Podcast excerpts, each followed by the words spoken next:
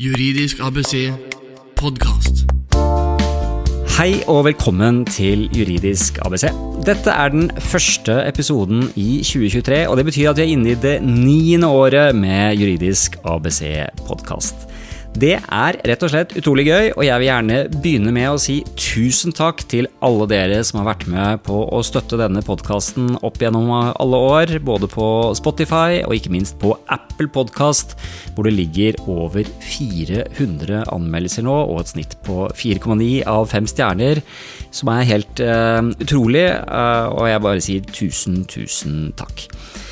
Feedback fra dere som lytter er veldig viktig, og en episode som jeg fikk mange hyggelige tilbakemeldinger på, det var den episoden som kom på slutten av 2021. Hvor jeg hadde med min gamle studievenn Jan Erik Sverre, og vi satte oss ned og snakket om arbeidsrettsåret 2021. Den gang satt vi ved kjøkkenbordet mitt eh, på hytta på fjellet. Eh, jeg er så heldig å ha Jan Erik som hyttenabo. Han kom innom, eh, og vi hadde en hyggelig prat midt under korona. Vi syntes det var så hyggelig at vi gjerne ville lage en ny episode i år. Nå er vi tilbake i byen og har også fått med oss forsterkninger i form av Jan Eriks kollega Mari Wærling. Mari er også advokat fra Kvale advokatfirma, jobber med arbeidsrett der, og fra 1.1.2023 er hun også partner i Kvale. Så jeg syns det er veldig hyggelig at en av de første tingene hun gjør som partner, er å være med her på podkasten. Og med disse flotte og flinke gjestene i studio, så er alt klart for en eh, hyggelig og arbeidsrettslig kanskje litt nerdete episode. Dette er nok en podkastepisode som egner seg best for deg som er litt over gjennomsnittet interessert i arbeidsrett. Eh, kanskje du er eh, arbeidsgiver, eh, eller jobber med HR, eller ja, kanskje til og med du jobber som arbeidsrettsadvokat eller advokat. Uansett, jeg håper du blir med på å ta dette lille dypdykket i hva som var av høydepunkter innen arbeidsretten i 2022.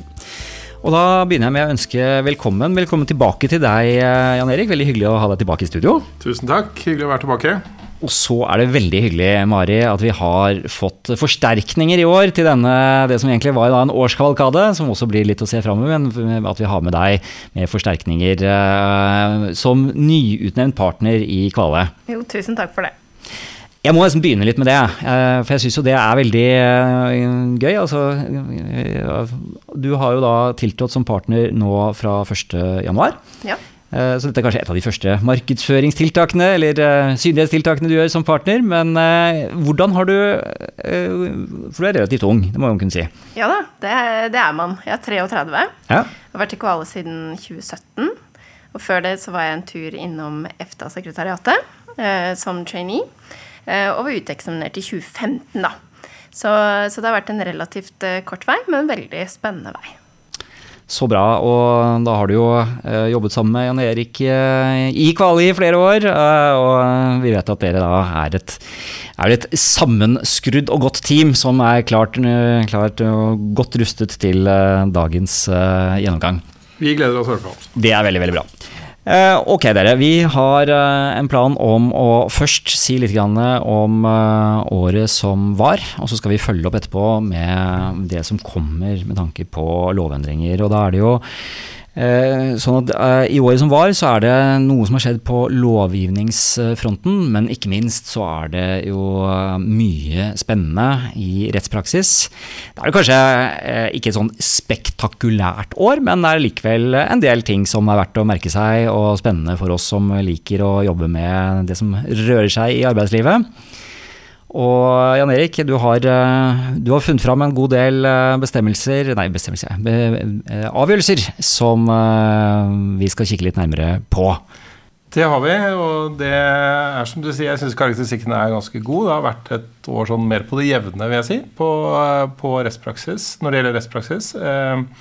Men som alltid noe å merke seg. Så jeg håper det kan bidra med noe som lytterne setter pris på. Jeg håper det. Vi har i hvert fall mange hyggelige tilbakemeldinger på episoden vi spilte inn for et år siden. Da satt vi eh, på kjøkkenbordet eh, midt på fjellet. Da var det koronarestriksjoner, men nå er vi i hvert fall tilbake i, eh, i byen. Og jeg tror i hvert fall vi får en vel så god gjennomgang i år. Men vi kan vel bare begynne med å hoppe ut i det. Hva er det, Hvis vi begynner med de overordnede linjene, hva er det vi tenker om året 2020? 2022? Det er vel vanskelig å si hva som karakteriserer det. Det har vært eh, litt av hvert. Eh, noen eh, i og for seg viktige avklaringer, men, og en del avklaringer som kanskje ikke er veldig viktige, men interessante nok. Så det er vel jeg kan si. Det blir jo spennende nå. Det er jo én viktig dom om sykefravær som vi skal komme tilbake til. Det er vel kanskje den viktigste dommen fra året som har gått. Eh, men det var ikke et år som i 2021, for å si det slik, eh, hvor det jo var veldig mange spennende dommer. Så Der er vi litt partiske, da, i og med at vi hadde noen saker. Eh, kan kanskje ha noe med det å gjøre, ja. Men det får nå være. Det er allikevel viktig at vi får synket opp, både for vår egen del og ikke minst for lytternes del, på hva som skjedde i 2022. Noen avgjørelser har vi. Hvor skal vi begynne? Ja, vi kan vel begynne med Den første jeg tenkte det er naturlig å ta, det er denne avgjørelsen som gjelder eh, Aker Solutions, eh, og da søksmålsfristen i arbeidsmiljøloven i forbindelse med da virksomhetsoverdragelse. Eh, det bakenforliggende her var jo at det var tre arbeidstakere som var sagt opp etter at bedriften de arbeidet i, hadde tapt en anbudskonkurranse. Og det har jo vært et område hvor reglene om virksomhetsoverdragelse har blitt stadig viktigere, får vi vel si. Eh, og spørsmålet var helt konkret eh, hvilken søksmålsfrist gjaldt. Og utgangs, om utgangspunktet da var eh, oppsigelsestidspunktet eller overdragelsestidspunktet. Og arbeidsmiljøloven har jo et eget kapittel om virksomhetsoverdragelse, hvor det er en bestemmelse i 16.4 som henviser til de alminnelige reglene i kapittel 17. Eh, og med det utgangspunktet så gjorde jo da arbeidsgiver i denne saken gjeldende at eh, fristen for å reise søksmål gjaldt fra oppsigelsestidspunktet i tråd med lovens hovedregel, får man si. Det er ikke så unaturlig at man eh, tok det standpunktet, kanskje? Nei, det ble vel til og med anført fra eh, arbeidstakersiden at det fremgikk klart av loven. Ja. Eh, så, så ordlyden var jo så, men, det, men, det, som var interessant poeng der, er jo at uh, ikke bare henvises det til kapittel 17, men det fremgår jo også av den samme ordlyden at de reglene gjelder så langt de passer. Ja. Og Det var jo da det viktige i denne saken, fordi fra arbeidstakersiden så ble det gjort gjeldende at de eh, alminnelige reglene, eller utgangspunktet da om at søksmålsfristen løp fra eh, oppsigelsestidspunktet, ikke passet i denne situasjonen. Eh, og Høyesterett kom jo da til at, eller ga arbeidstakersiden medhold i det. Eh, og det var en interessant eh, begrunnelse i for seg for det, eller en fornuftig, forstandig begrunnelse for det, syns jeg. Eh, det er klart at på dette området, når det gjelder søksmålsfrister, så er det jo viktig med eh, klare eh, regler som man i og for seg kan lese seg, eh, lese seg til selv ved å slå opp i loven.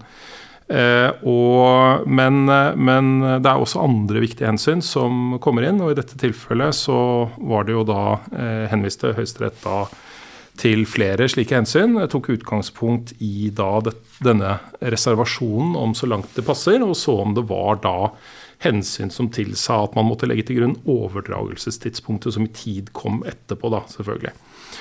Eh, og Høyesterett tok jo da som nevnt eh, og så på ulike hensyn. Tok utgangspunkt i lovens ordlyd og utgangspunkter eh, ved tolkningen av den. Og viste da, som jeg var inne på, til dette hensynet om behov for klare regler.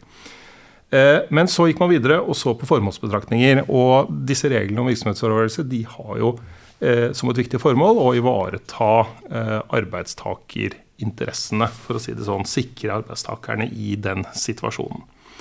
Eh, helt konkret så ble dette formulert da, som at man, et for, lovens formål er å sikre trygge ansettelsesforhold og likebehandling i arbeidslivet.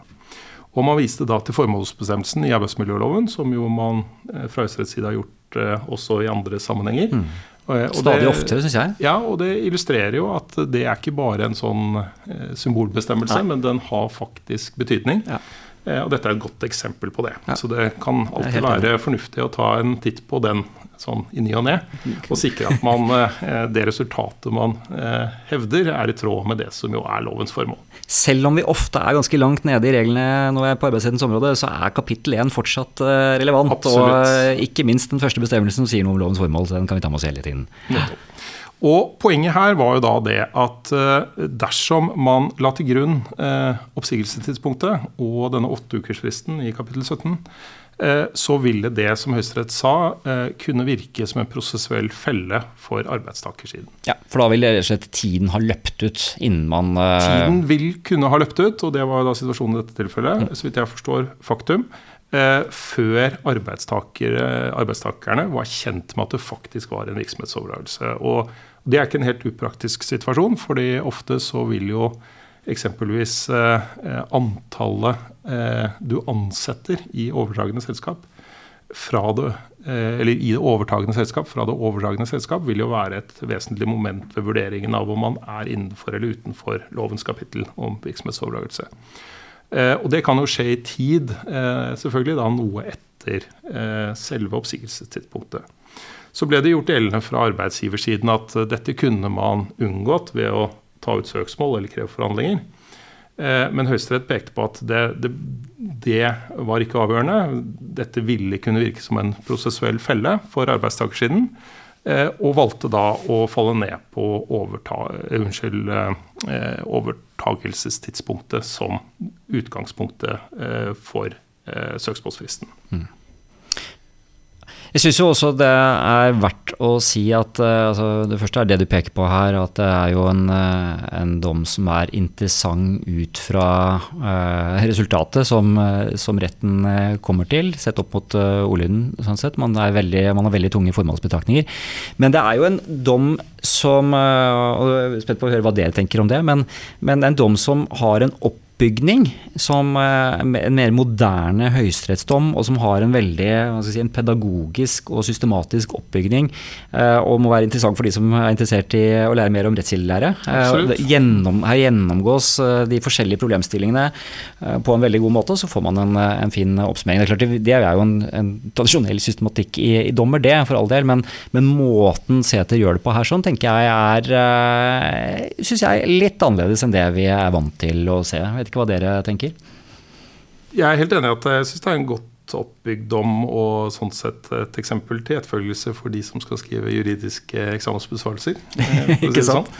Og kanskje for oss andre også. Men eh, det to andre poeng som det kanskje kan være greit å ta med, er jo det at uh, Høyesterett så hen også til eh, EØS-rettens eh, eh, bestemmelser, eh, og da dette effektivitetsprinsippet, som innebærer at man da ikke i nasjonal rett må gjøre det umulig eller uforholdsmessig vanskelig for borgerne, i dette tilfellet arbeidstakerne, da, å, å håndheve sine rettigheter etter EØS-retten. Mm.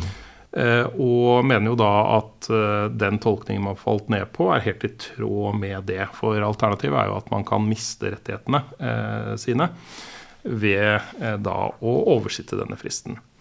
Det er et lite poeng der at eh, hele kapittel 16 jo er eh, sånn sett importert juss. Det, er jo- det er jo gjennomføring av EU-direktiver, så, så det er jo Så klart sånn at da sett blir er det det jo veldig viktig relevant. at det er i tråd med, med også øvrig EØS-lovgivning.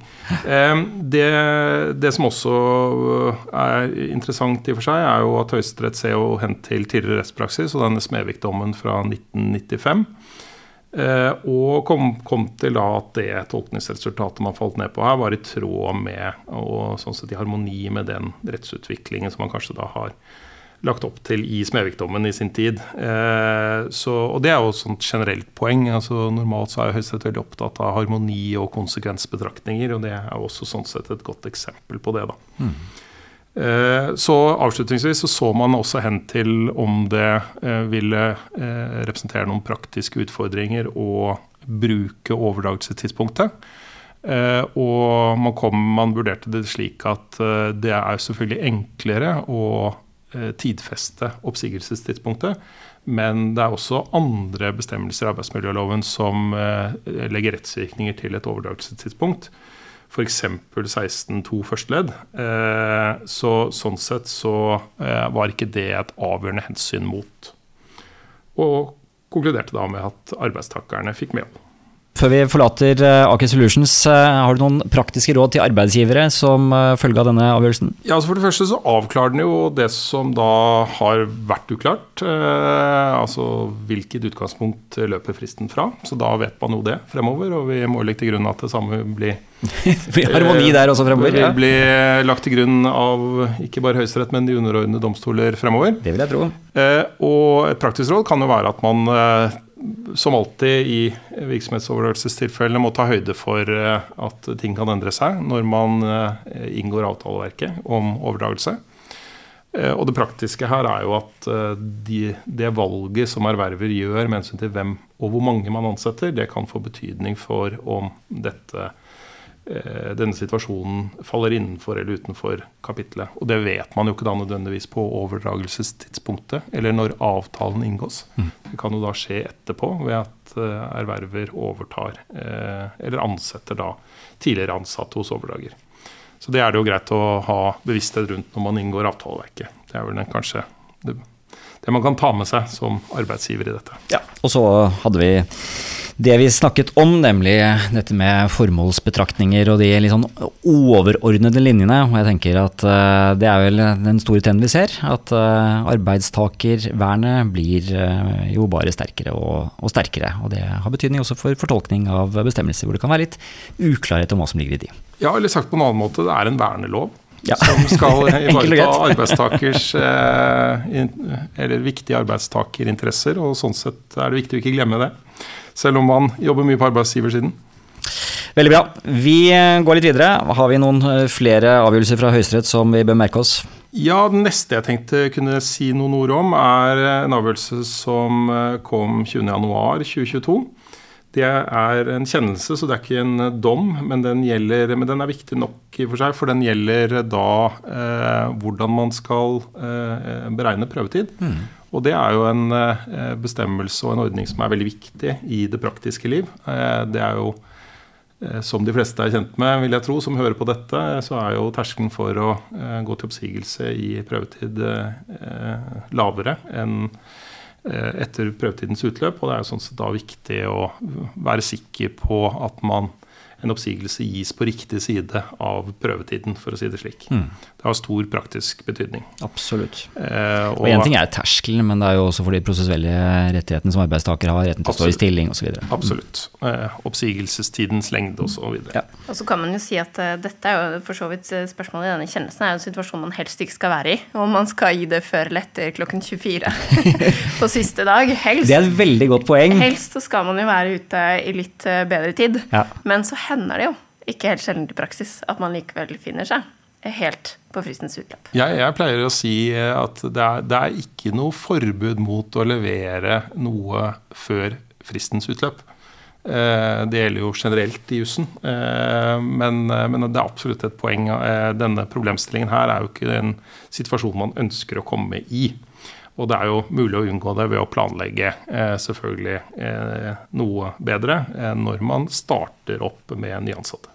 Nå skal vi ikke ta en full prøvetidsdiskusjon, jeg er helt enig i det, men så har man jo også til og med sett eh, i hvert fall anførsler fra arbeidstakere på at eh, hvis en oppsigelse i prøvetiden kom på et altfor tidlig tidspunkt, så skulle arbeidsgiver ha brukt hele prøvetiden. Så det er klart, eh, der er det jo, der er det jo en tidslinje sånn sett. det er ikke så lett alltid. Men, men den avgjørelsen her var litt, er jo litt spennende i den forstand at det som var problemstillingen, det var jo hvordan man skulle regne ut prøvetiden. Den er jo maksimalt seks måneder. Det går an å avtale lave, eh, kortere tid, men eh, vi anbefaler i hvert fall aldri noen å gjøre det. Eh, Seks, er, seks måneder er kort nok Ja. i denne sammenheng.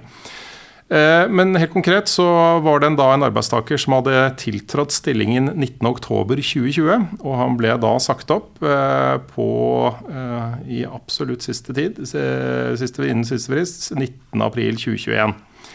Eh, og- Han mottok prøvetidsoppsigelsen 19. april. Ja. Som jo da eh, med rask hoderegning skulle være Cirka seks måneder. Cirka seks måneder etterpå. Eh, da, men da ble det reist en problemstilling om eh, disse seks månedene eh, som da eh, Altså I arbeidsmiljøloven så er det sånn, så er det jo henvist da i 15-6 tredje ledd til at en eh, oppsigelse som gis innen utløp av prøvetiden. Mm. Og da er spørsmålet om innen utløp av prøvetiden, når er det? Mm. Er det 23.59 dagen før? Eller er det innen klokken 24 eh, den påfølgende dag? Eh, konkret til dette eh, faktumet er det da den 18. april 2021, når det har gått seks måneder, eller er det eh, innen utløpet av den 19. april?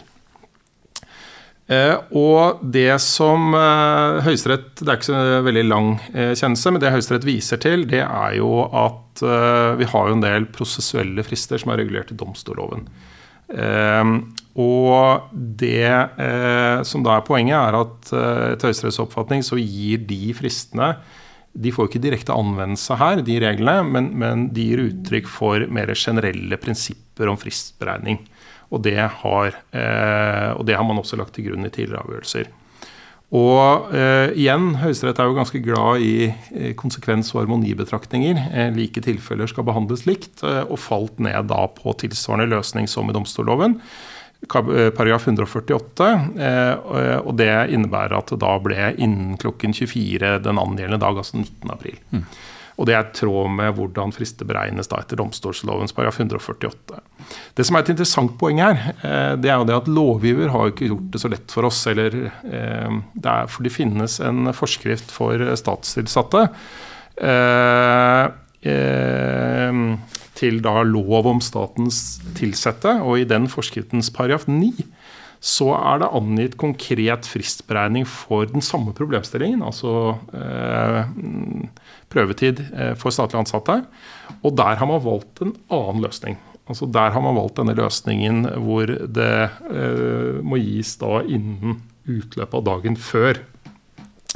Så, så, Sånn sett så skjønner jeg jo at denne problemstillingen kom på spissen. For når lovgiver har valgt å bruke den eh, betegnelsen, nei, eller den fristen for, eh, i forskriften om statstilsatte, og man har en annen løsning for, eh, i domstolloven, så, altså er det åpenbart behov for en avklaring her. Eh, det man kanskje kunne håpe på, er jo at eh, staten kunne, eller at reglene kunne blitt endret på statens område. fordi det er klart å ha ulik eh, beregning på dette på så like tilfeller. da.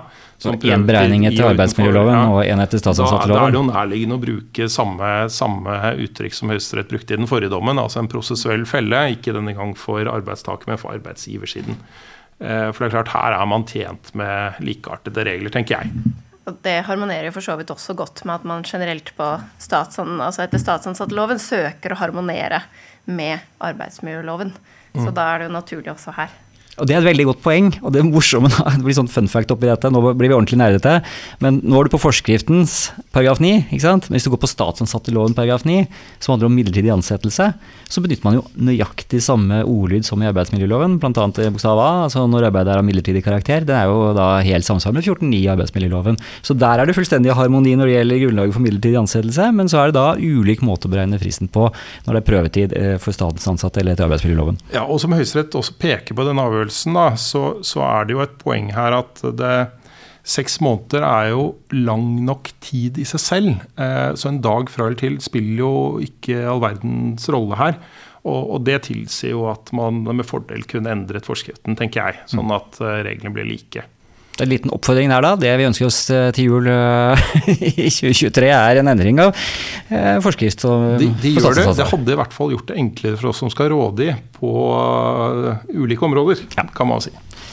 Nå, jeg vet ikke jeg med dere, nå er heldigvis sånn at det er arbeidsmiljøloven jeg sysler mest med, ikke, ikke så mye statsansatteloven, men det er klart vi kommer jo borti den fra tid til annen også. Vi har en del på det området også, så, så vi må, må kjenne til disse reglene. Men Absolutt. Og da er det jo sånn at når vi da så på denne Aker Solutions-saken, så sa vi at det Høyesterett liker jo å tenke at det er en vernelov, og kommer ned på den løsningen som er gunstigst for eh, arbeidstakerne.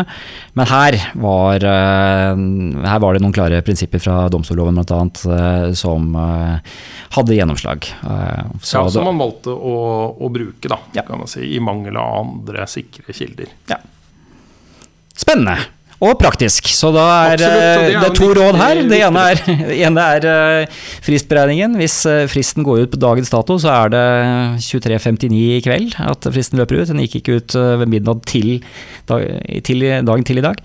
Eller natten til i dag. Eh, Og det andre, og det er det viktigste, er jo som eh, dere var inne på, som Mari sa, altså dette med at eh, det er lov å være ute i, god tid.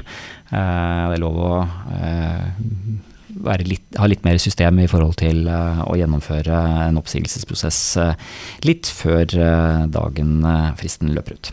Et siste poeng der er jo også at veldig mange arbeidsgivere i hvert fall glemmer jo det at det tar litt tid også faktisk effektuere en oppsigelse. Ja. Den skal, det er jo i loven krav om hvordan den skal formidles osv. Den skal jo fortsatt sendes eh, fysisk eh, med rekommendert sending eller overleves personlig. Og så er det jo noe rettspraksis nå på at man åpner for i større grad mm. andre typer, men, men de er ikke skrevet i stein, for å si det sånn. Eh, Nei, Vi kunne jo snakket litt om det nå. Jeg tror ikke vi skal ta med eh, Vi har vel ikke planlagt å ta med det i dag, eh, Jan Erik. Men eh, vi kan jo bare ta det veldig raskt og si at ja, det er noen underrettsavgjørelser nå som begynner å bli litt mer eh, si, digitale. eh, Men å gi råd som advokat på at du skal sende en eh, oppsigelse eller avskjed eller eh, suspensjon eller hva det måtte være i digital form, det, det er ikke helt uh, Det er fortsatt uh, dristig.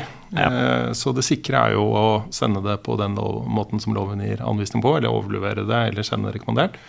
Eh, og det tar jo da eh, noe tid, så, så det å, å planlegge for at eh, også for postgang eksempelvis for rekommenderte sendinger, det er jo da klokt. Det er det tryggeste. Ja, og det er jo et punkt som også tar gjerne litt tid ved oppsigelse, også i prøvetiden, er at man skal ha et drøftingsmøte. Så det skal jo innkalles til og avholdes, og deretter gjerne skrives en protokoll, og så skal man gjerne gjøre en vurdering til slutt. Så, så det tilsier også at man burde være tidlig ute eh, med å følge opp der man ser at det er nødvendig.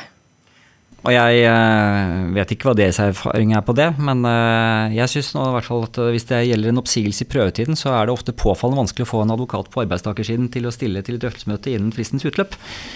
Men jeg skal kanskje ikke si noe mer om det.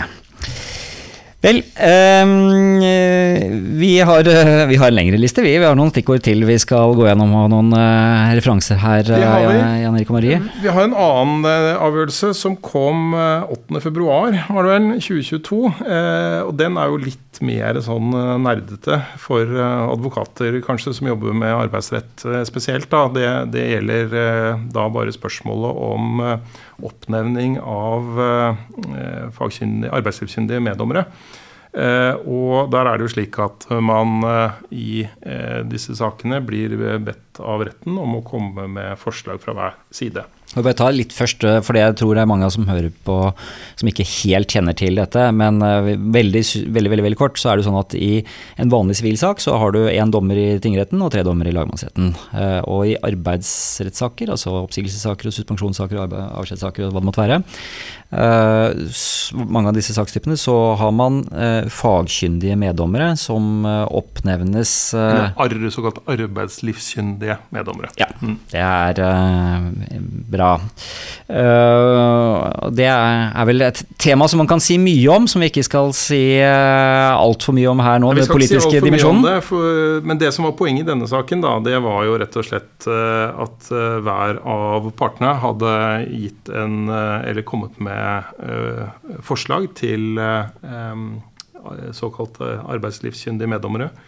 Eh, konkret så hadde eh, den ankende part i denne saken foreslått fire kandidater i prioritert rekkefølge.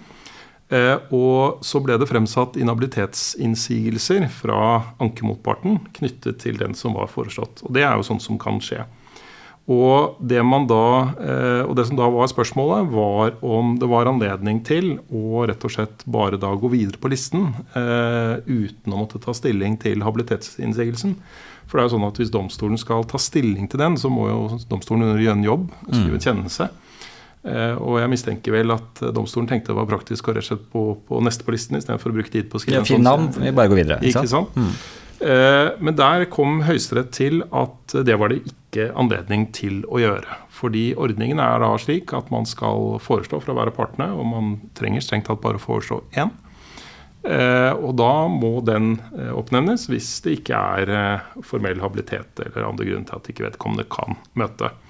Så er det jo et prakt, dette at man foreslår flere i prioritert rekkefølge, det er åpenbart praktisk, for det kan jo hende at de foreslåtte ikke kan møte osv. Mm. av ulike årsaker. og men det at man da har som en praktisk ordning å foreslå flere, det betyr ikke at man fra domstolens side kan velge, for å si det sånn, eller av bekvemmelighetshensyn gå videre hvis man ikke Eksempelvis i en sånn situasjon som var i denne saken, at det var, ble reist en habilitetsinnsigelse. Og Det som kanskje er, som er litt interessant i denne sammenheng, er at eh, det, det, er jo en løsning som avviker fra det som eh, er løsningen når det gjelder fagkyndige meddommere generelt i sivilprosessen.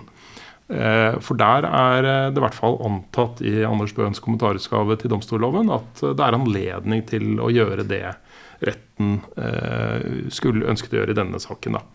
Så, så, her er vi på et område hvor det heller ikke er helt harmoni, harmoni og konsekvens, men, men Høyesterett begrunner det med at denne ordningen med arbeidslivskyndige meddommere det er en særordning eh, i arbeidsretten eh, som eh, begrunner eller gjør det da riktig å fravike det, det ellers gjeldende utgangspunktet. Som blir et unntak fra det vi akkurat konkluderte med på forrige sak, om at uh, Høyesterett er glad i harmoni. Så uh, sånn kan det være. Nettopp. Men da er det formodentlig andre hensyn da som tilsier at Høyesterett kom til en motsatt resultat. så det, sånn sett er det jo ikke så helt enkelt å forutse hvor haren hopper, for å si det sånn. Nei. Men, men og skal man lære noe av dette her, så er det jo bare da å være tydelig på at forslagene fremsettes i prioritert rekkefølge. At man er tydelig på det når man foreslår noe for for uh, retten. Så det er først og fremst for uh, de som jobber med arbeidstvister i praksis, dette? Ja, og jeg gjorde akkurat dette før jeg kom hit i dag. Eh, og da så jeg i, i, brevet som jeg fikk fra retten om dette, at de ville ha dette i prioritert rekkefølge. Så da har retten åpenbart tatt høyde for at det er sånn det skal gjøres. Det er mulig det er noen maler som er endret i domstolene der. Bra. Uh, vi har uh, en dom du nå var inne på i sted, Jan Erik, som jeg tenker vi kanskje kan uh, snakke litt om nå. Som er praktisk viktig, og som kanskje var den store dommen i året som gikk. som mange arbeidsgivere bør ha godt kjennskap til eh, Widerøe-dommen. Eh, der har jeg planer om å lage en eh, oppfølgende podkast eh, på sykefravær, men jeg syns det er all grunn til at vi bruker litt tid på, på den her også. For det er jo, som jeg sa, en viktig dom i året som var. Kan du si litt om hva som eh, lå i den saken? Ja, det er jo en sak som sånn sett egner seg for en podkast. Den har jo vært mye diskutert eller har fått en del oppmerksomhet. Og det er skrevet både ekspertartikkel om det på Juridika og, og, flere andre som har engasjert seg i, i debatten om dette. Eh, den gjelder jo da eh, spørsmålet egentlig hvor langt eh, går tilretteleggingsplikten på arbeidsgiversiden i eh, de mer langvarige og krevende sykefraværstilfellene før man kan eh, gå til oppsigelse, eller før det vil da være saklig grunnlag for å gå til en oppsigelse. Og eh, Faktum i denne saken det var en ansatt i eh, flyselskapet Widerøe. Han hadde vært ansatt siden 2001. Men han fikk etter hvert helseproblemer. Dels utbrenthet, dels depresjon. Og det fikk som konsekvens at han ikke klarte å arbeide fulltid. Eh, arbeidsgiveren eh, i min verden forsøkte da på en veldig ansvarlig måte å få arbeidstaker tilbake i jobb ved en rekke tiltak. Eh, dels ved å tilrettelegge eh, hva vedkommende skulle gjøre på arbeid, og ikke minst arbeidsmengde osv. Eh, og forsøkte det i flere år. Eh, eh, men den ansatte ble da til slutt eh, sagt opp i 2019, da det ble klarlagt at han permanent hadde en varig redusert arbeidsevne med 50 eh, Og eh, Saken reiser egentlig to problemstillinger. Dels om da arbeidsgiver Widerøe hadde oppfylt sin tilretteleggingsplikt. Og eh, dels om saksbehandlingen som var eh, gjort, var i tråd med de krav som stilles, og om det var et forsvarlig faktisk grunnlag for oppsigelse. Eh, og Det dommen avklarer, det er for det første at uh, arbeidsmiljølovens krav i 4.6 om at du skal tilrettelegge så langt som mulig, det kan ikke tas helt på ordet. Det står eksplisitt i, i avgjørelsen, og det er en grei avklaring, tenker jeg. Veldig viktig.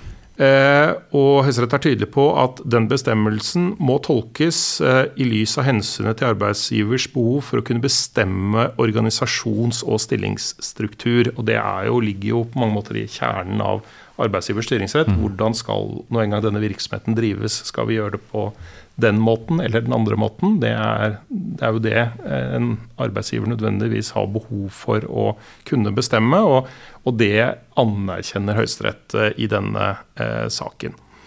Eh, og eh, hva som da er mulig å få til eh, etter 4-6, det må, som Høyesterett sier, bero på en sånn konkret skjønnsmessig helhetsvurdering. og det det kan jo være litt frustrerende for jurister å, å, å få eh, servert at man må foreta en sånn konkret skjønnsmessig helhetsvurdering, for hva sier nå engang det? det? Og kanskje ikke bare for jurister, kanskje for de som skal praktisere dette også. Absolutt. Ja. Kanskje spesielt for, for den gruppen. Eh, men det betyr rett og slett en helhetsvurdering. Du må ta eh, og, og se på dette helhetlig. Og, og Høyesterett sier videre at dersom det er tale om permanente endringer i organisasjons- eller stillingsstrukturen, må det foreligge vektige grunner for at du skal ha plikt til det. Og Når det gjaldt faktum i denne saken, så, så ble denne ansatte eh, høres kanskje litt rart ut, men han, han hadde en rolle som en såkalt innholdsprodusent eh, for Widerøe på typ sånn informasjonsfilmer og tilsvarende, formoder jeg, uten at jeg kjenner detaljene i det. Jeg forsto det som at han jobbet med altså, type multimedieproduksjon, produksjon av kurs- og undervisningsmateriell eh, og informasjonsmateriell. Nettopp. At de, de, hadde en avdeling der med flere som hadde den stillingen.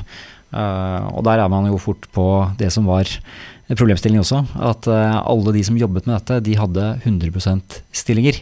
Ja. Uh, og det var jo noe som ligger innenfor arbeidsgivers styringsrett. Som arbeidsgiver så bestemmer man uh, hvordan man skal organisere arbeidet, og her hadde man organisert det arbeidet med 100% stillinger, og ønsket å fortsette med det. Og så vidt jeg forstår, så var det gode grunner til det. fordi mye av dette arbeidet som ble utført av disse innholdsprodusentene, det var hastearbeid. Og, og skal, skulle du ha den jobben gjort av deltidsansatte, altså 50% ansatt, f.eks.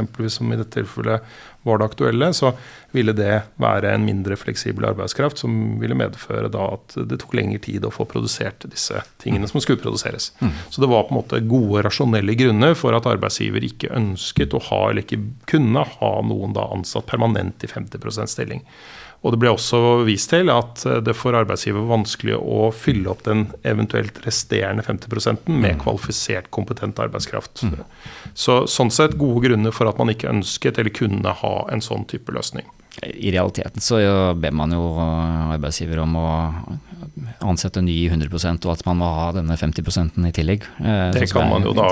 Det ville jo kanskje vært den praktiske konsekvensen. og og Det kunne man jo kanskje sagt at så langt det er mulig. altså Er man stor og ressurssterk virksomhet altså Vi vet jo at i forarbeidene til den denne bestemmelsen i arbeidsmiljøloven, så er det jo pekt på her eh, hvorvidt man snakker om en ressurssterk arbeidsgiver eller ikke.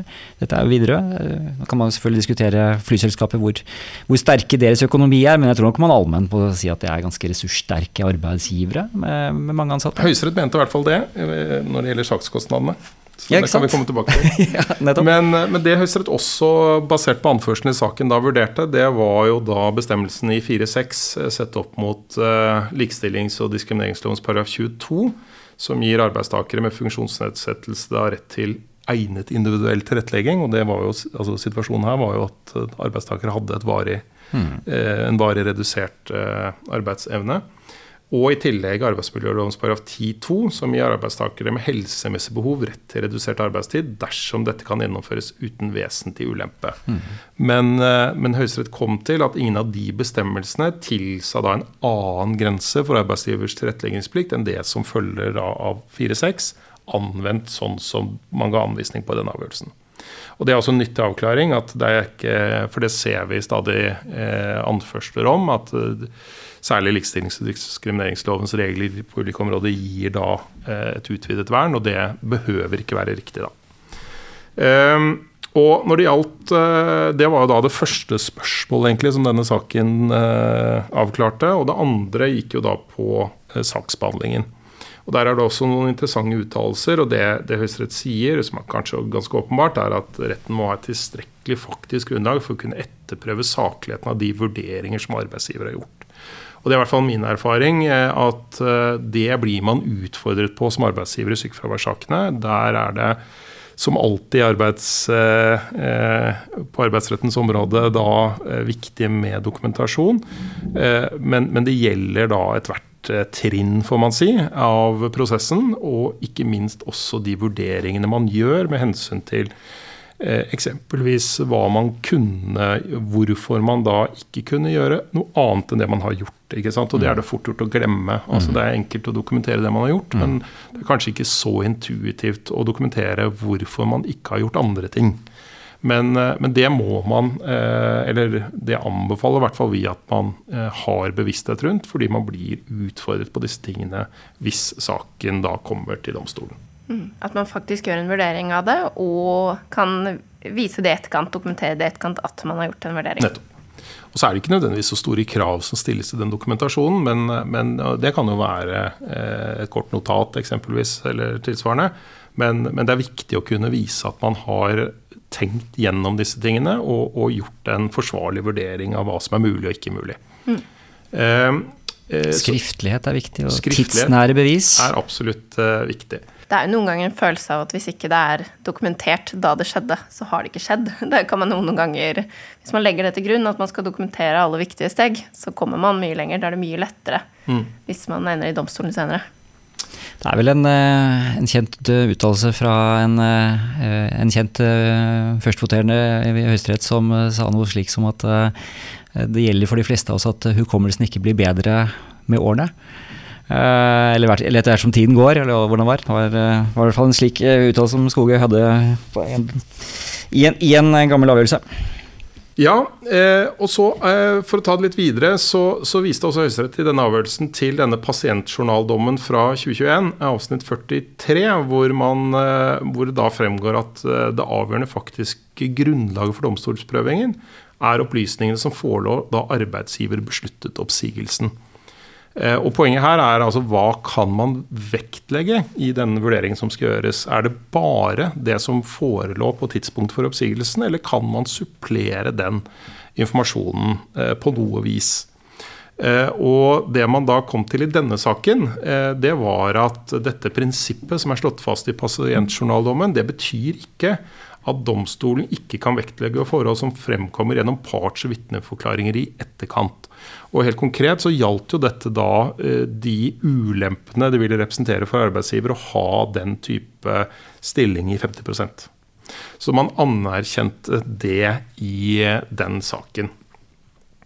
Eh, og, eh, og det bringer meg egentlig over til en sånt annet, mer generelt spørsmål. For det, det, ser vi jo i en del av disse sykefraværssakene. Og det er noen eksempler på altså Situasjonen er jo ofte at arbeidstaker er sykemeldt på tidspunktet saken eh, er til prøving i retten. Eh, og så eh, går saken videre fra tingrett til lagmannsrett, og så har det gått da et år eller noe sånt imellom. Og så er jo da arbeidstaker eksempelvis fortsatt sykemeldt. Mm. Uh, og, og, da er det jo nærliggende for en arbeidsgiver selvfølgelig å vise til at det, det underbygger at den vurderingen jeg gjorde, var riktig. Eller man gjorde var riktig, Og det har vi sett noen eksempler på at i hvert fall lagmannsrettene har anerkjent. at det, altså det prinsippet. Som strengt tatt står jo i strid med dette som eh, Høyesterett sier i pasientjournaldommen. Jeg mener personlig at uh, det bør vektlegges, uh, fordi det jo underbygger uh, den vurderingen som fakt... Eller den, det avklarer jo langt på vei om den vurderingen som ble gjort i sin tid, var riktig eller gal. Men hvordan Høyesterett vil se på det spørsmålet hvis det problematiseres, det, det er uklart. Og dette ville jo i så fall måtte gå begge veier, tenker jeg. For uh, hvis du sier opp en arbeidstaker pga. Syke, langvarig sykefravær, uh, og så uh, tar vedkommende dette til retten, står i stilling, er frisk, jobber 100% leverer som aldri før, vel, da var det kanskje en indikasjon på at man var litt forhastet som arbeidsgiver. Det kan, det kan jo være det. Det kan i hvert fall tenke seg at så, sånn ja, kan du. Så jeg jeg antar jo at et sånt prinsipp vil slå begge veier.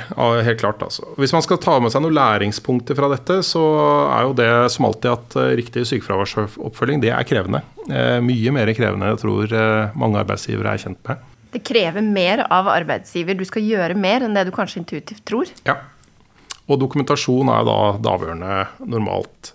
Eh, for øvrig så kan man jo ta med seg fra denne avgjørelsen at det er ikke krav om at arbeidsgiver må gjøre permanente endringer i organisasjonen dersom det ikke foreligger vektige grunner for det. Og Så kan man jo spekulere litt i hva vil den type vektige grunner være. Eh, det jeg sånn umiddelbart kan se for meg, det må jo være tungtveiende sosiale hensyn f.eks. Kan vippe dette andre veien. Så det er jo også noe som en arbeidsgiver bør være oppmerksom på. at eh, Altså, det er ikke nødvendigvis sånn at uh, dette med permanente endringer i seg selv er nok. Altså, man må også gjøre den tilleggsvurderingen om det foreligger vektige grunner. Da skal det mye til da, i dette tilfellet? Arbeidstaker vært uh, ansatt i selskapet lenge. Uh, har en maks, uh, maks, arbeidskapasitet på 50 uh, Vanskelig å få noe nytt arbeid.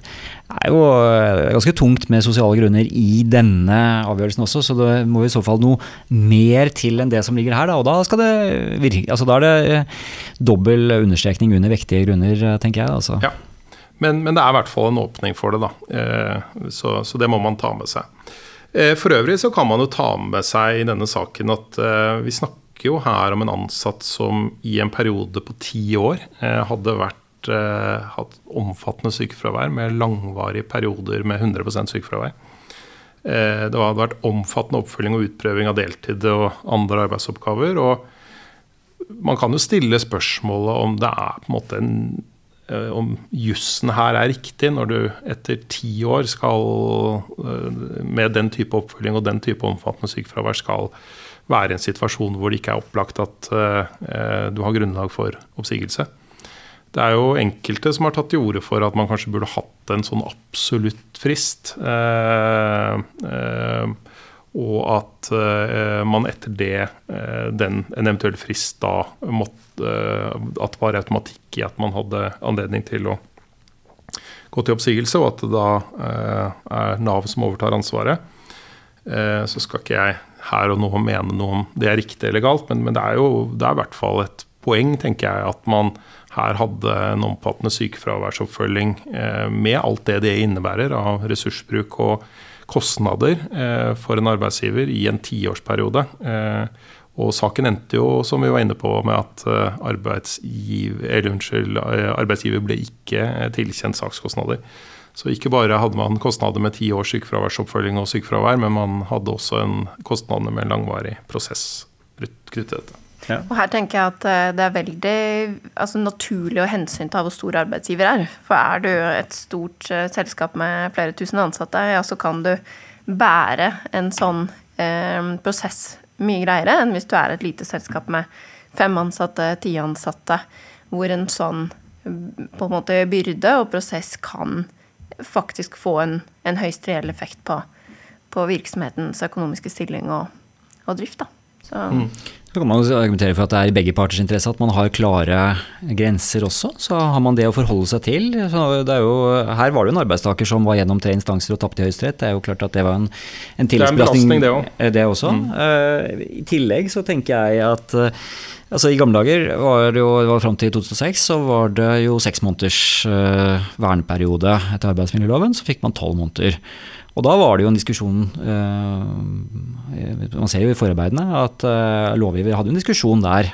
og det var en diskusjon blant politikerne på Stortinget også om hvor lenge skulle denne verneperioden vare. Og da fant man jo at tolv måneder det var, En periode var rimelig for arbeidsgiver å bære byrdene ved å ha, ha sykefravær, eller ansatt med sykefravær.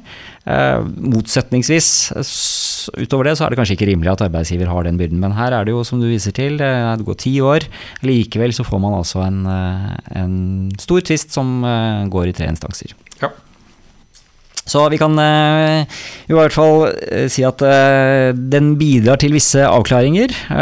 Og styringsretten er fortsatt i behold, også når det gjelder opp mot de strenge kravene i 4-6, tilretteleggelsesplikten. Eh, men eh, det vil vel fortsatt komme noen avgjørelser innen eh, sykefraværsområdet, tror jeg ikke det? Det er jeg helt sikker på. Du jobber jo også mye med dette, Mari. Ja da, vi gjør det. Og det er et veldig aktuelt eh, tema. Fordi arbeidstakere blir syke, og det skal det jo selvfølgelig være rom for. Og man skal ha en god oppfølging for å, med det målet å få vedkommende tilbake. Og at det er veldig viktig å ha gode regler og god praktisering rundt det.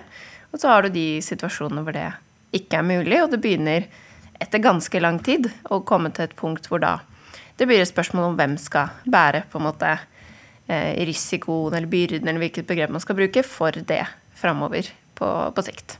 Så det er jo viktige debatter og rom for mye diskusjon her, tenker jeg. eh, På hvordan, hvordan det skal være og bør være og, og så videre. Så det blir spennende å følge utviklingen videre. Det gjør det. Eh, absolutt. Vi får eh, jobbe oss videre gjennom Vi eh, raser, raser videre. Det kom en avgjørelse uh, 22.6 uh, som gjaldt personalreglementet i politi- og lensmannsetaten. Jeg tenkte ikke jeg skulle si så altfor mye om den. Det gjaldt rett og slett spørsmål om eh, personalreglement skulle forhandles og tvisteløses etter reglene i hovedavtalen i staten, og om, eller om det var krav om avtale, og i sånn sett da slik at eh, arbeidstakersiden hadde vetorett og kunne blokkere for arbeidsgivers ønske om mer fleksibilitet ved kortvarige ansettelser utover seks måneder. Og Høyesterett kom da til at det ikke var grunnlag for en sånn anførsel, og, og ga arbeidsgiver medhold. Så um, den er jo litt sånn for spesielt interesserte, men, men da er den i hvert fall nevnt. Eh, og så kan vi gå rett videre på en avgjørelse som kom eh, da er vi 5. juli. Eh, Det er også en kjennelse, og den gjaldt noe som er ganske praktisk. Altså dette med rett til gjeninntreden etter avskjed. Jeg tror vi bare skal si det helt kort. Jeg tror de aller fleste som hører på har kontroll på det. Men eh, avslutning av arbeidsforhold kan jo gjøres på flere forskjellige måter. Vi har vært inne på dette med prøvetid. eh, At man sies opp i prøvetiden, og da er det en vesentlig lavere terskel, eller ikke uvesentlig lavere, terskel for å gå til oppsigelse. Eh, Og da er det kortere oppsigelsestid som vi er inne på, og eh, litt andre prosessuelle eh, rettigheter for arbeidstakere. Så har du vanlig oppsigelse, som vi, er det vi vel jobber mest med. Enten om det er eh, pga. virksomhetens forhold, eller sykefravær, som vi var inne på, eller arbeidstaker som ikke presterer eller ikke fungerer. Og så har vi avskjed. Og avskjed, da skal det ganske mye til, Mari. Da skal det ganske mye til. Da er det snakk om vesentlig mislighold, og da er også regelen eh, om retten til å stå i stilling eh, er da også eh, motsatt utgangspunkt av det som gjelder ved oppsigelse, nemlig at eh, man ikke har rett til å stå i stilling hvis man bestrider avskjedens gyldighet, og at man da må fratre etter, etter avskjeden. Og da er vi midt oppi denne kjennelsen. Da er vi midt oppi denne problemstillingen. For det å fratre, det betyr jo da å avslutte arbeidsforholdet med umiddelbar virkning. Og det er en ganske dramatisk eh, reaksjon, selvfølgelig. De Sparken aller fleste av oss er jo, er jo avhengig av den inntekten vi har. Og hvis den stanser eh, på dagen, så skaper det noen utfordringer, for, vil jeg tro, for de fleste. Eh, men det som da var tilfellet i denne saken, er jo at man med basis da i arbeidsmiljøloven 1511 fikk, eller krevde da rett til gjeninntreden eh, etter avskjed. eh, For å da komme i den samme situasjonen som man vil være eh, etter loven eh, i oppsigelsestilfellene. Altså hvor man kunne stå i stillingen i, i den perioden tvisten eh, varte. Eh, og det fikk den eh, arbeidstakeren i dette tilfellet, både i tingrett og, og lagmannsrett. Eh, og, men det ble da anket eh, videre til Høyesterett, som avgjorde dette i en kjennelse. Og det ble fra arbeidsgiversiden anført, og det er kanskje det viktige i denne saken, det er ikke utfallet som er så avgjørende, og faktum som sådan, men, men det ble anført fra arbeidsgiversiden at denne retten til å gjeninntre stilling, det en, er en sikkerhetsventil som bare får anvendelse når avskjedsgrunnlaget er så svakt at avskjedigelsen nærmer seg en omgåelse av vernet en arbeidstaker har ved oppsigelse. Altså eh, en form for misbruk av avskjedsinstituttet, og at det er kun der eh, du kan bruke gjeninntreden. Og det Høyesterett er veldig tydelig på den avgjørelsen, som man bør da merke seg, det er at det er ikke noe sånt særskilt vilkår om eh, for gjeninntredelse at arbeidsgiveren har misbrukt eh, reglene om avskjed.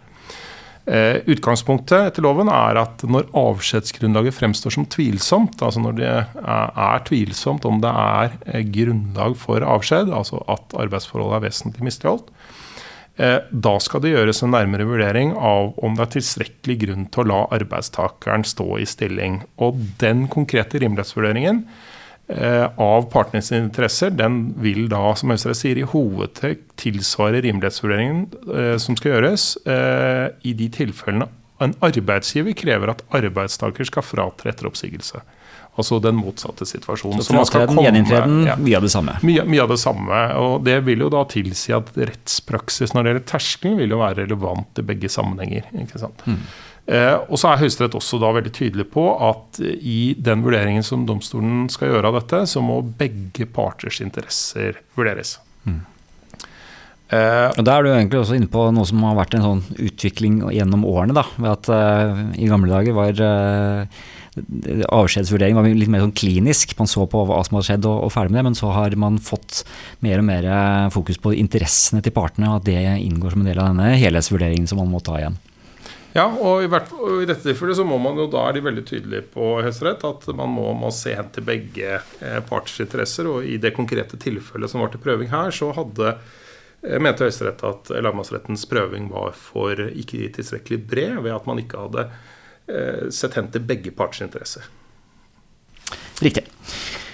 Ehm, det er jo en eh, spørsmål som selvfølgelig blir litt sånn teknisk, men eh, dette er jo et, eh, tenker, dette er jo et praktisk viktig spørsmål med tanke på hvordan forhandlingene kan bli for å finne løsninger i disse sakene.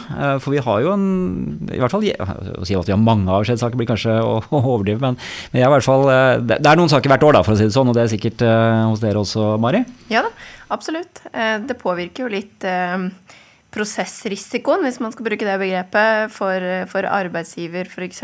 Altså, eh, og så tenker vi at eh, man kan jo se for seg at alle som behandler disse sakene, hvis man er i en gråsone mellom oppsigelse og avskjed, mm.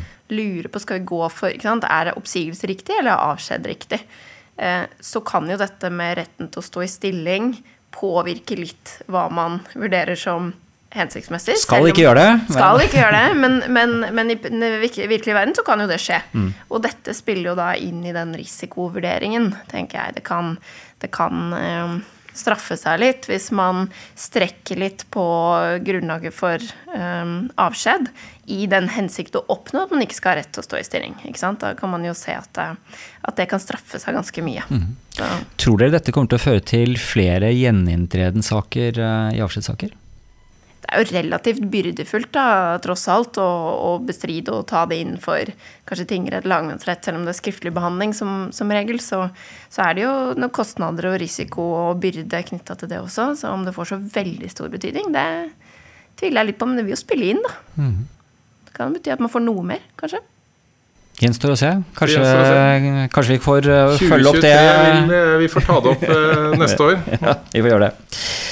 Veldig bra. Det var i hvert fall eh, en, eh, sånn sett en veldig praktisk eh, avgjørelse og veldig greit å, å, ha med seg. Jeg er enig med deg at faktum var ikke så veldig viktig i den, men det kan kanskje være greit å nevne at sånn som jeg har forstått, gikk tilbake og så på underrettsavgjørelsen, så, så dreide det seg om at arbeidstaker hadde gått utenfor stillingsbeskrivelsen og inngått en avtale som hun ikke hadde Altså, hun hadde ikke signaturrett, og så hadde hun inngått en avtale på vegne av sin arbeidsgiver, og da reagerte arbeidsgiver på det, for det var jo teknisk sett brudd på, på stillingsbeskrivelsen. Og det var vel det partene var, var enige om, men, eh, men, resultatet av det var man ikke enige om. Ja. Yes. Har vi noe mer å by på? Ja, vi har da noen eh, Eller Høyesterett har vel noen eh, flere avgjørelser å by på, eh, får vi vel si. Og neste avgjørelse det er, den kom 25. oktober, så da er vi over, over sommeren. Det gjaldt en lærer som da var tilsatt etter en sånn særbestemmelse som lærervikar etter opplæringsloven, og som ikke hadde lærerhøgskolen, eller eh, og sånn sett ikke var formelt kvalifisert til å utføre eh, jobben som lærer. En lærer som ikke var lærer. Jobbet som lærer, men var ikke lærer. En lærer som eh, ikke hadde de formelle kvalifikasjoner, men som etter da opplæringsloven har anledning til å jobbe i midlertidig stilling. Mm. Eh, og det er vel formodentlig praktisk begrunnet, fordi det er ikke alle steder hvor det er eh, mulighet til å få kvalifiserte lærekrefter, og sånn sett kan være praktisk behov for dette. Eh, det som da var problemstillingen i den saken som kom opp fra Høyesterett, det var jo hvorvidt arbeidsmiljølovens regler i, eller i paragraf 14-9 som gir rett til fast ansettelse etter tre års midlertidig ansettelse, også gjaldt denne situasjonen. Og eh, det Høyesterett eh, kom til etter en grundig drøftelse, det var at det var et helt bevisst lovgivervalg at eh, de, som, de lærerne i anførselstegn som ikke var lærere, som var tilsatt i disse midlertidige stillingene, de skulle ikke ha rett til fast ansettelse. Og bærende, den bærende begrunnelsen for dette var jo da at eh, hensynet til at elevene får kvalifiserte lærere, det trumfer, eh, hadde jeg nær sagt, eh, dette vernet, eh, stillingsvernet til disse ikke faglærte lærerne. Og, og, man falt da ned på at de ikke var omfattet av disse reglene, og sånn sett da ikke fikk fast ansettelse. Det Høyesterett gjorde basert på anførselen i saken, var jo også å vurdere da om det var Om man EØS-rettslig var forpliktet til å gi lærerne, disse lærerne som ikke var lærere, fast ansettelse. Eh, og det er, egen, eh, det er, et eget EU-direktiv om midlertidige ansettelser som Norge da er forpliktet eh, etter.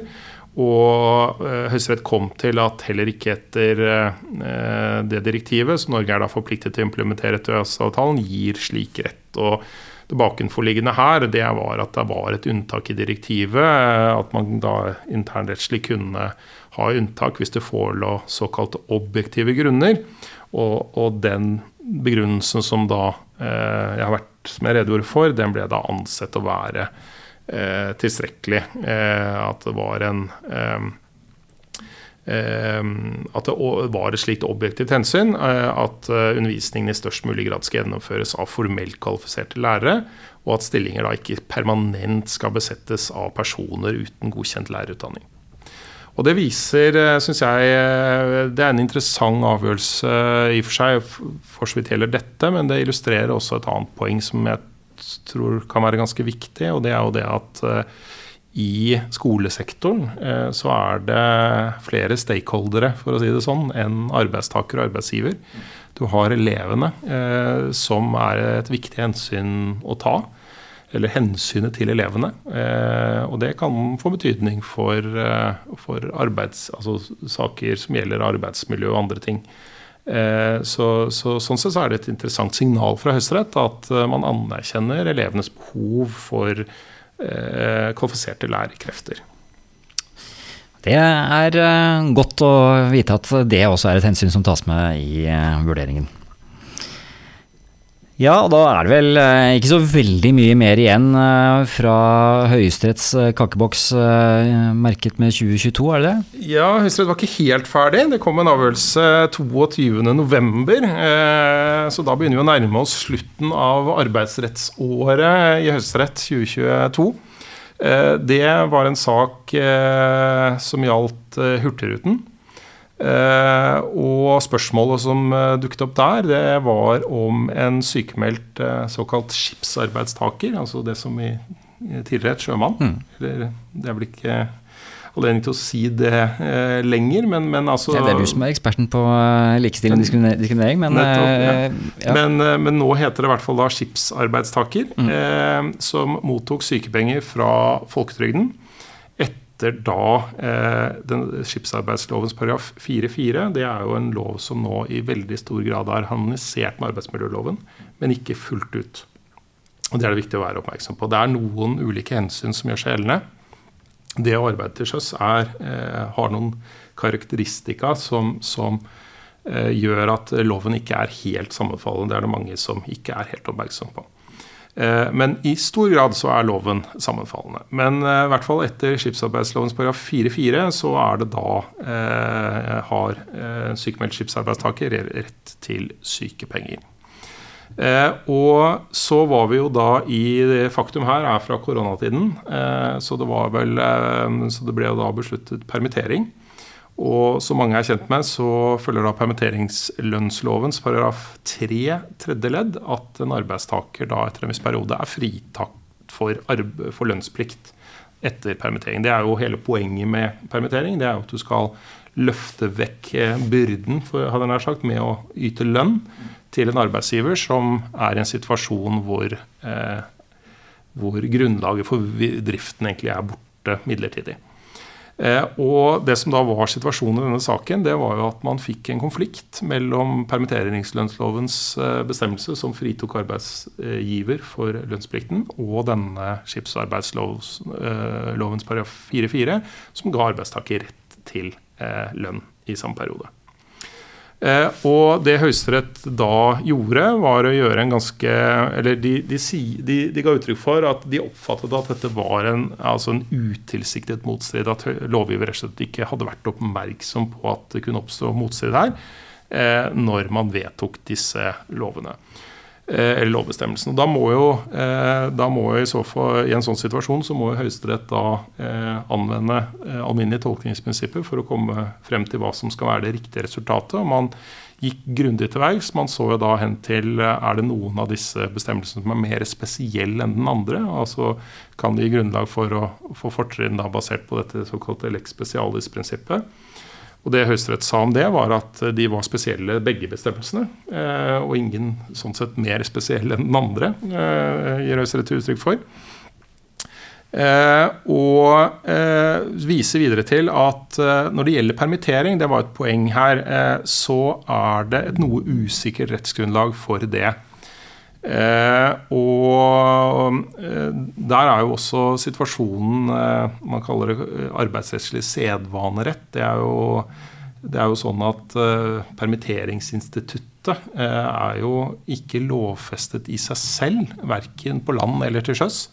Eh, men det er lover som forutsetter at det finnes noe som heter permittering. Og lov om lønnsplikt ved permittering er en sånn lov. Eh, men man viser til at det er et litt usikkert rettsgrunnlag for permittering til sjøs.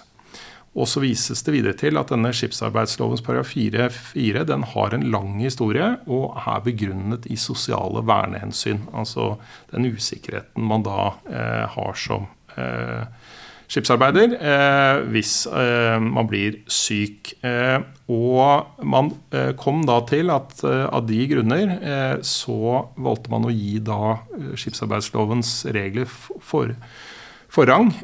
og viste også til at Norge folkerettslig er forpliktet etter en internasjonal konvensjon som heter Maritime Labour Convention som i paragraf 4-2, eller regel 4-2, har en eh, bestemmelse som beskytter sjøfolk mot de økonomiske konsekvensene av sykdom og skade som inntrer i forbindelse med arbeidsforhold. Og Høyesterett kom da til at hvis man hadde gitt eh, permitteringslønnslovens paragraf eh, eh, 4, eh, unnskyld, 3-3 eh, forrang, så hadde man stått i fare for å ikke overholde de folkerettslige forpliktelsene til denne konvensjonen. Og Av den grunn eh, så falt man da ned på det resultatet man kom til. Eh, og Sånn sett eh, kan man jo si det var en eh, kanskje litt overraskende avgjørelse. I hvert fall var det det for meg. det er gode grunner, tenker jeg, for at man har permitteringsinstituttet og fritar arbeidsgivere for eh, lønnsplikt i den perioden. Det er jo strenge vilkår som er oppfylt for at man skal kunne bruke eh, permittering som virkemiddel. og det er jo for virksomheter som er i krise, som ikke har noen eh, som ikke reelt sett har noe eh, inntektsgrunnlag, eh, eller i hvert fall et vesentlig redusert inntektsgrunnlag i den perioden. Og, og, og det å pålegge en eh, virksomhet i en sånn situasjon lønnsplikt for langvarig sykemeldte er jo en byrde. Eh, som, så, sånn sett så kan, man, kan, det være ulike oppfatninger i hvert fall om hensiktsmessigheten av, sånt, av et sånt resultat. Men eh, et annet spørsmål som er interessant, som vi har diskutert litt, er jo om utfallet ville blitt det samme på land. Mm. Du har jo noe av de samme hensynene som gjør seg gjeldende, men eh, du har jo ikke i hvert fall meg bekjent, en tilsvarende sånn internasjonal forpliktelse som i denne Maritime Labour Convention, som kanskje tippet det på eh, tippet i den retningen i, i, denne saken. Det har du ikke på land. og Sånn sett så kunne man jo kanskje sett for seg at, at resultatet ble et hadde blitt et annet hvis vi hadde vært eh, på land. Det er kanskje ikke utenkelig at eh, dersom det kommer eh, nye store permitteringsbølger, at eh, en og annen arbeidstaker blir sykemeldt og har en kreativ advokat som sier at vel, vi har jo dette prinsippet fra høyesterett i 2022, eh, og kanskje kommer det en sak der. Det kan hende. Mari har jo skrevet bok om permittering, så det er mulig du har noe Ja, Hva tenker du om dette? Permittering under og etter koronapandemien. koronapandemien. Så det, det begynner jo allerede å bli en eh, stund siden. Så nei, det blir spennende å se, men nå får vi håpe det ikke blir eh, flere pandemibølger, i hvert fall. Men eh, det er jo andre tilfeller der permittering også er aktuelt. Så da kan det hende man får en avklaring. Jeg tenker jo det, altså, øh, for dette med at uh, skipsarbeiderloven 4-4 får forrang, uh, er jo ganske inngripende, altså. Uh, full lønn ved sykdom, selv om skuta ligger i dokk og alle de andre er permittert. Den som nær sagt var heldig å være sykemeldt, får jo da vesentlig bedre økonomiske rammebetingelser. Det er, det, ja, det er, det er definitivt noe man kan stille noen spørsmålstegn ved, tenker jeg. Ja, det er mange, ja, og det er jo også andre ting ved permitteringsinstituttet som man kan stille spørsmålstegn med. Et annet praktisk eksempel i disse dager, hvor du ser stor, stort behov for nedbemanning på, i en del sektorer, er jo det faktum at hvis du Eh, hvis du går til oppsigelse, så kan du ikke permittere i oppsigelsestid. Um, og, og, og det kan være en ganske krevende situasjon for mange arbeidsgivere hvis eh, markedet forsvinner over natten, eksempelvis. Og det er jo gjerne de som kanskje har nettopp det behovet, da. Liksom, hvor den byrden ved å måte ta inn igjen og ha oppsigelsestid eh, kan bli veldig byrdefullt. Noen ansatte har jo seks måneder oppsigelsestid, selv om det vanlige ofte er tre. Så, så hender det at folk har seks, og da blir det jo ganske store summer. Ja, hvis du har gjennomført en større permittering, så ja, det er en mer, mye mer fleksibel selvfølgelig eh, enn en, en nedbemanningsprosess sånn sett, og, eh, og det gir raske resultater, men det koster jo det også. Mm. og da får du jo Plutselig så er det full stopp, og så har du disse kostnadene i arbeidsgiverperioden, og så ser du kanskje at dette her endrer seg ikke. mm. du må gå videre fra permittering til nedbemanning. Da må de ansatte inn igjen, og så få lønn i oppsigelsestiden. Ja, for det som kan være verdt å merke seg, en del, mange arbeidsgiver eh, per, permitterte jo under korona. Og da var det jo litt særregler som gjorde at det var mindre det, var så, det var ikke så dyrt å permittere, for man fikk jo kortere arbeidsgiverperiode og var Den, kort denne ekstreme unntaksregelen Den ble liksom den vanlige. Ja, ikke sant? Men under normale omstendigheter, også nå, Mm. så er det jo først en to ukers varslingsfrist som hovedregel, som Mm. regel, og så en arbeidsgiverperiode som vel er 15 dager nå. Um, Mm. Og har du mange ansatte, så blir det så penger. Så blir det ganske mye penger. Så da får du ikke den umiddelbare effekten som du fikk under korona, når folk kanskje har mest erfaring fra permittering. Ja. Så det Nei, og det er jo, og det er jo sånn det er med disse permitteringsreglene. Det er jo litt sånn duppen som går opp og ned, mm. avhengig av eh, hva som er, eh, er situasjonen eh, i samfunnet. Og nå eh, er det som du sier eh, litt dyrere enn det var under, eh, under korona. Jeg vet ikke, Mari, Er det noen flere ting du syns vi skal ta med før vi avslutter 2022? Ja, det er en liten dom vi tenkte å nevne helt til slutt. Den er fra 20. desember, så rett før julen. Eh, og gjelder sluttavtaler eh, opp mot dagpengerettighetene. Og der tenker vi det er litt eh, kompliserte faktum. Det blir mye detaljer, og det er ganske teknisk. Så vi tenker at hovedbudskapet her er at hvis man jobber med sluttavtaler på en eller annen måte, om man er tillitsvalgt eller advokat eller, eller på annen måte har befatning med det Arbeidsgiver? Arbeidsgiver, ikke sant? Eller arbeidstaker. Eh, så bør man, sånn det er nå, eh, når det gjelder utbetalingen av et eh, sluttvederlag, for da blir man jo gjerne enige om sluttvederlag tilsvarende eh, tre måneder, ti måneder, eh, hva det måtte være. Eh, og så kommer gjerne spørsmålet skal alt utbetales på én gang, eller skal man få det i månedlige eh, de, de deler. ikke sant? Delutbetalinger. Skal man bare fortsette å få månedslønn i seks mm. eller ti måneder, eller hva det måtte være? Eller skal man få igjen lump sum, som det heter på godt Ja. norsk? Alt på en gang. Ja, og da er anbefalingen etter denne dommen og den utviklingen som har vært, at man bør få det i månedlige rater. Eh, For det tilfellet at man da etter en sånn eh, etterlønnsperiode ikke har fått seg ny jobb, så vil det eh, grunnet litt tekniske detaljer eh, være fordel som regel å få det i månedlige rater. Det Ja. kan i hvert fall få betydning. Så, så det er anbefalingen heretter, at man eh, bør tenke seg om før man får det utbetalt i lønnssum. I hvert fall. I hvert fall for det tilfellet at, man, eh, at arbeidstaker er arbeidsledig ved Ja. utløpet av den perioden som sluttvederlaget skal dekke. Ja. Da vil man kunne komme dårligere ut hvis man får alt som en lønnssum, med tanke på hvordan det teknisk sett beregnes. Og så er det litt Ja. sånn 6G-beregning og litt sånne type ting som eh, er inne i bildet her. sånn. Det, vi skal ikke ta hele den, som du sier. Uh, I tillegg så kan man kanskje si at uh, nå skal vi ikke drive så mye skatterådgivning her, men det sier seg også selv at hvis du får en lump sum eh, som er stor, eh, så vil det jo bli eh, mye skatt det året. Eh, så litt avhengig av skattesituasjonen til arbeidstaker, eh, så, så kan jo det også være noe å tenke på. Bra, da ble det en ganske så grundig gjennomgang, og jeg vet ikke helt, Jan Erik. Det var jo ganske mye mat i eh, 2022 når vi begynte å jobbe oss gjennom dette. Det, det, det var det absolutt. Og så Når det gjelder underrettspraksis, så har, tenkte jeg i hvert fall at det kan være greit også å nevne en avgjørelse fra eh, Gulating lagmannsrett som kom eh, rett over sommeren i 2022. Eh, den gjaldt eh, virksomhetsoverdragelse og da selskapet Widerøe eh, Ground Handling. Eh, som tapte SAS som kunde på flyplassen i Bergen, Tromsø og Kristiansand til Aviator Airport Alliance, som er da en av de eh, hovedkonkurrentene, etter da også en anbudsrunde. Eh, og lagmannsrettens flertall kom i den saken til at eh, før leverandørskiftet, altså før overdragelsen, ikke no, forelå noen selvstendig økonomisk enhet i dette selskapet Widerøe Ground Handling knyttet til SAS som kunde, som man da hadde tapt som eh, eh, kunde. Eh, og man kom til at man heller ikke kunne gjenfinne eh, dette som noe eh, økonomisk Eller identiteten etter overdragelsen. Og den er litt interessant, den avgjørelsen, syns jeg. Nå er jo den lagmannsrettsdom, men, men for meg har alltid dette skillet mellom selvstendig økonomisk enhet og identitet vært litt vanskelig. Jeg sliter litt med å få tak i egentlig hva som er forskjellen.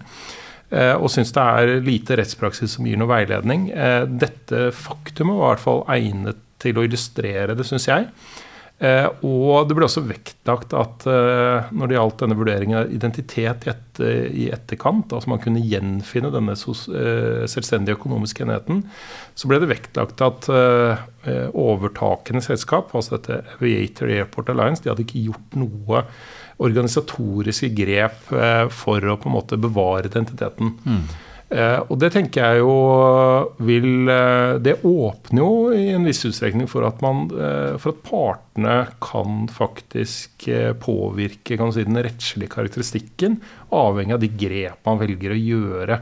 Eh, Det kjenner vi jo til dels igjen eh, når det gjelder Det var vel Olderdalen ambulanse i sin tid, hvor, hvor på en måte Høyesterett sier tydelig at eh, det, det at man velger å ikke ansette, det står man fritt til å gjøre, og sånn sett da påvirke om eh, man er omfattet av reglene eller ikke. Og i så måte så er det i hvert fall denne avgjørelsen fra Gulating en indikasjon på at man kan påvirke på samme måte ved å da ikke gjøre eh, organisatoriske grep som gjør at identiteten til det som er en selvstendig økonomisk enhet, f.eks. før eh, overdragelsen, ikke gjenfinnes. Og det vil jo være ofte, det vil jo ofte være situasjonen i eh, outsourcingstilfellene. ikke sant? At man, man eh, tar en økonomisk enhet over til en annen form for organisering, hvor man da skal gjøre dette med stordriftsfordeler og som en del av et større apparat, f.eks. tilsvarende. Eh, og, og sånn sett interessant at man da også kan tilsynelatende da i hvert fall kan påvirke den rettslige karakteristikk eh, ved de grepene man selv velger å gjøre. Så en interessant avgjørelse sånn sett. Det var en dissensdom også, for sikkerhets skyld, eh, så, så vekten kan man jo kanskje diskutere, men den er jo det er nå engang en lagmannsrettsdom som tar stilling til dette. Så Ja, og eh, en flaggsak i lov, Lovdata også, men det er jo noe å ta med seg, det også. Fordi det har vært sånn rettskildemessig. Eh, jeg antar at den da eh, Om den ble anket, så slapp den ikke inn. Jeg vet ikke noe om rettskraft er sånn. Det er jeg ikke kjent med. Nei. så det, det, vet jeg faktisk ikke. Det står ikke noe i avgjørelsen om det. Kanskje det blir en overraskelse at vi må ta med den på en uh, om et år? Kanskje. Jeg tror ikke den ble anket. Det er sikkert eh, mange andre, eller det er mange andre avgjørelser fra underrettene som vi kunne ha tatt med oss fra året som var også, men jeg tror kanskje vi må si at eh, det er så langt tiden strekker til eh, for i hvert fall den rettspraksisdelen av årsgjennomgangen for 2022. De spesielt interesserte får jo da heller stille opp på den gjennomgangen som normalt gjøres i forbindelse med det årlige arbeidsrettskurset i Sandefjord. For de som uh, har plass der, de som ikke har det, de har vel uh, i beste fall en, uh, en, plass på ventelisten, vil jeg tro. Men det gleder vi oss også til.